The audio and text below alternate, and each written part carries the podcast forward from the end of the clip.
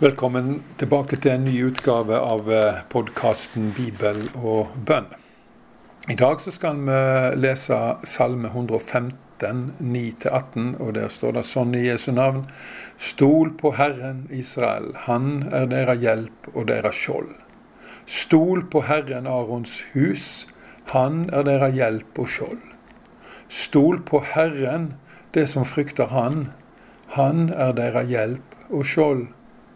Herren husker på oss, han velsigner oss. Han velsigner Israels hus, han velsigner Arons hus. Han velsigner de som frykter Herren, de små og de store. Måtte Herren la dykk auka i tal, både det og borna dykkar. Det er velsigna av Herren, Han som skapte himmel og jord. Himmelen er Herrens himmel, men jorda gav han til mennesket. De døde priser ikke Herren, alle de som går ned til det stille landet. Men vi, vel, men vi velsigner Herren fra nå og til evig tid. Halleluja. Disse versene deler Israel inn i tre ulike grupper. og det er Israel, altså folket, og så er det Arons sønner, dvs. Si prestene. Og så er det de som frykter Herren, som er proselytter fra andre folkeslag. Alle grupper blir oppfordra til å stole på Herren, og da med god grunn. For Han er troverdig, og Han er vår hjelp og vårt skjold. For Herren er en Gud som velsigner alle som stoler på Han, og søker hjelp og tilflukt hos Han, store som små. Han lar de auka i tal, og det er jo en effekt av Herrens velsignelse. Derfor ber vi Herren om å velsigne oss òg, slik at vi øker i tall. At vi ikke stagnerer verken som familie eller menigheter, men erfarer vekst og den gleden som følger av vekst. Vers 18 er et viktig innskudd. Himmelens, himmelen er Herrens himmel. Der regjerer Gud uinnskrenka. Der er det ingenting som er smitta av vondskap.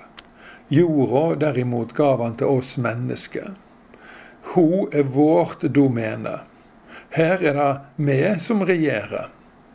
Da leser vi også om i første Mosebok kapittel 1 vers 26 til 28, der det står at han setter dem til å råde over, og så kommer alt det som de skulle råde over.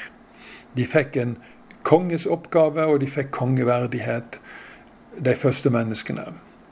Som de skulle videreføre til sine etterkommere. Og Gud kunne ikke sånn uten videre bare overta jorda eh, da menneskene synda og la seg inn under djevels makt og innflytelse. Skulle Gud med rette overta makta på jorda, så måtte han gjøre det som et menneske. Og da forstår vi mer det Jesus sier før han for opp til, til himmel. Jeg har fått all makt i himmel og på jord. Gudmennesket Jesus er nå den som rår både i himmel og på jorda og han styrer historien mot den dagen da hans makt er proklamert for alle nasjoner og folk, og da kommer han igjen for å dømme levende og døde. De døde i vers 17-18, det er de fortapte menneskene. De har da kjennetegnet at de ikke priser Herren.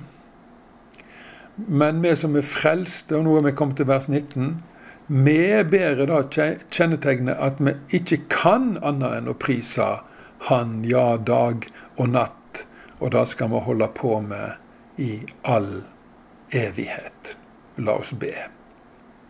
Fader vår, du som er i himmelen. Lat navnet ditt helgas, lat riket ditt komme. Lat viljen din råde på jorda så som i himmelen. Gi oss i dag vårt daglige brød, og forlat oss vår skyld, som vi òg forlet våre skyldmenn og før oss ikke ut i freisting, men frels oss fra det vonde. For riket er ditt og makta og æra i all eva. Ta imot Herrens velsigning. Må Herren velsigne deg og bevare deg. Må Han la sitt ansikt lyse over deg og være deg nådig. Må Han løfte sitt åsyn på deg og gi deg fred. Amen.